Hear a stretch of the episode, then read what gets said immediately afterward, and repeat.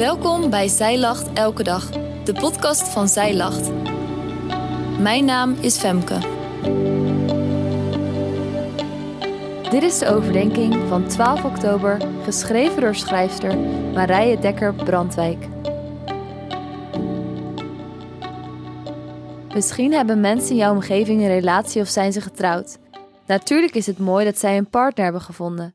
Maar het kan lastig zijn wanneer dit een pijnlijk onderwerp voor jou is.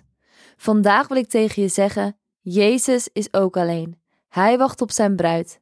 Heb jij je al klaargemaakt voor hem?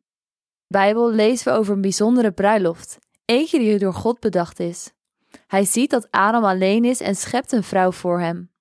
Een vrouw die ontzettend bij hem past en bij hem hoort.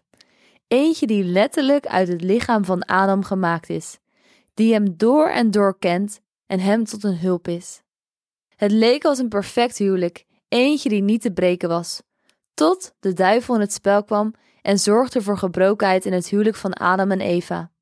Sindsdien kan er in een menselijk huwelijk onbegrip naar elkaar zijn. Egoïsme kan een rol spelen en er zijn nog zoveel meer andere dingen waardoor een huwelijk hier op aarde niet meer perfect is of pijnlijk kan zijn, zoals het niet bedoeld was.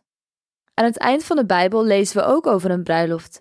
Eentje waarbij de bruidegom eerst lange tijd alleen is, vol verlangen naar zijn bruid. Dit lezen we in Openbaringen 19, vers 6 tot 9. En ik hoorde zoiets als een geluid van een grote menigte, en als een geruis van vele wateren, en een geluid als van zware donderslagen. Halleluja, want de Heere, de Almachtige God, is koning geworden. Laat wij blij zijn en ons verheugen en Hem de heerlijkheid geven, want de bruiloft van het Lam is gekomen en zijn vrouw heeft zich gereed gemaakt. En het is haar gegeven zich met smetteloos en blinkend fijn linnen te kleden, want dit fijne linnen zijn de gerechtigheden van de heiligen. En hij zei tegen mij: Schrijf, zalig zijn zij die geroepen zijn tot het avondmaal van de bruiloft van het Lam. En hij zei tegen mij: Dit zijn de waarachtige woorden van God. In de Bijbel wordt er prachtig gesproken over de bruidegom, Jezus en de bruid, Gods kinderen. Het is niet te bevatten hoe bijzonder dat is. Daarom spreekt Paulus ook over een geheimenis, iets wat nog geopenbaard zal worden. Jezus wacht erop om zijn bruid, jou, te ontmoeten, zodat hij eindelijk niet meer alleen is.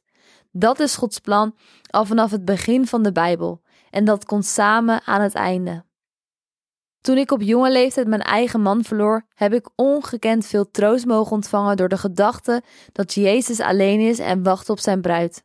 Op de meest bijzondere wijze liet God in de tijd na de begrafenis van mijn man aan mij weten dat ik zijn bruid mocht zijn en dat hij naar mij uitzag. Dat hij me nu vasthoudt en troost en liefde geeft. Dit heeft mijn hele relatie met God veranderd en mij nog meer doen inzien en uitzien naar de echte bruiloft die nog komt in de hemel. Ik mag nu nog meer verlangen naar Hem, omdat Hij ook naar mij verlangt en wacht tot het tijd is om Zijn bruid eindelijk thuis te halen.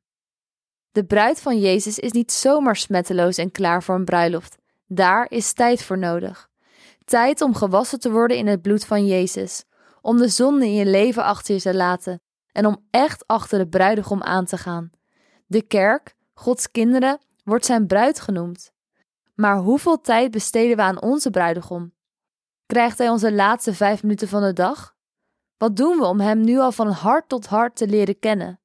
Nu is er nog tijd om je klaar te maken. Wanneer de bruiloft zal zijn, weten we niet, maar het zal onze mooiste verwachtingen te boven gaan, denk ik. Een bruiloft waarop er veel liefde zal zijn en een echt thuiskomen. Jezus kijkt vol verwachting naar je uit. Mag Hij je ontmoeten als Zijn bruid? Dankjewel dat jij hebt geluisterd naar de overdenking van vandaag. Wil je de overdenking nalezen? Check dan onze website. Je vindt er ook meer toffe dingen die jou helpen om de Bijbel vaker te openen, zoals boeken, Bijbels, cursussen en evenementen. Morgen ben ik weer bij je terug met een nieuwe overdenking. Tot dan!